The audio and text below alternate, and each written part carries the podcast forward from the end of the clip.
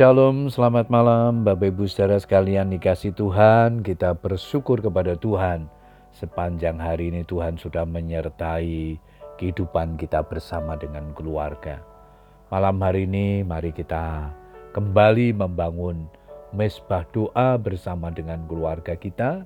Karena kita tahu hanya melalui doalah kita mampu dan sanggup menjalani hari-hari kita di masa pandemi ini Malam hari ini sebelum berdoa kita akan merenungkan firman Tuhan yang malam ini diberikan tema iman mengalahkan dunia.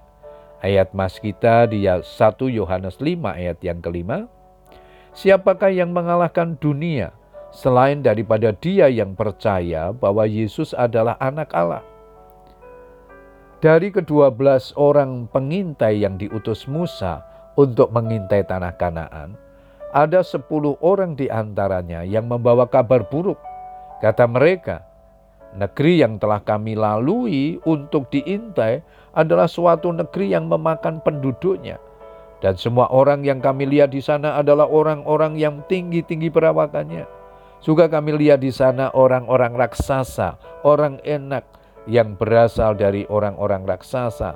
Dan kami lihat diri kami seperti belalang dan demikian juga mereka terhadap kami. Bilangan 13, 32, 33. Mereka sangat pesimis bila masuk ke Kanaan. Adalah sangat mustahil untuk bisa mengalahkan raksasa-raksasa itu pikirnya.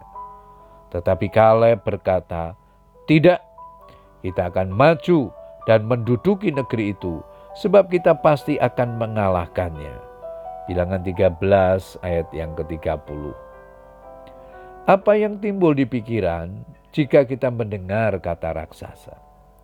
Yang kita bayangkan sosok makhluk yang tinggi besar dan sangat menakutkan. Ketika harus menghadapi Goliat pahlawan bangsa Filistin yang tingginya enam jengkal, Raja Saul dan rakyatnya mengalami ketakutan yang luar biasa.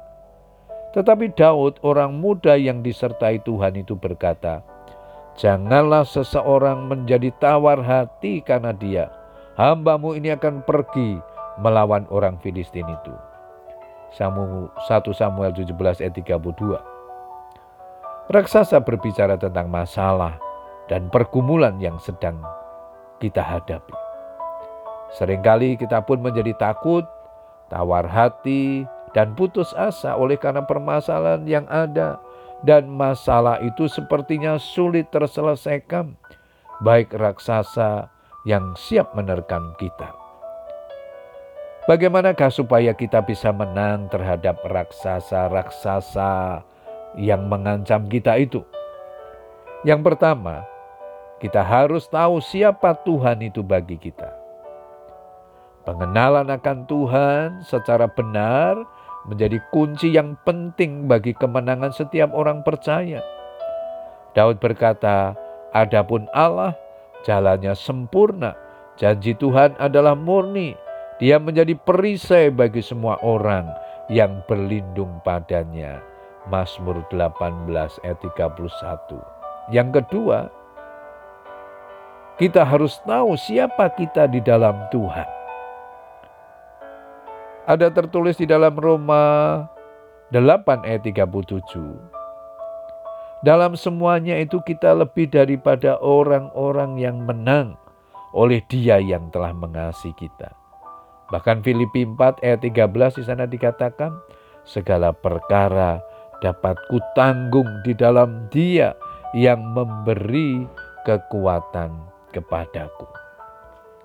Bapak ibu saudara sekalian yang dikasih Tuhan, kita tidak perlu takut menghadapi persoalan yang ada karena kita memiliki Tuhan yang berkuasa dan di dalam Dia kita lebih dari pemenang dan bersama Yesus kita dapat melakukan perkara yang besar.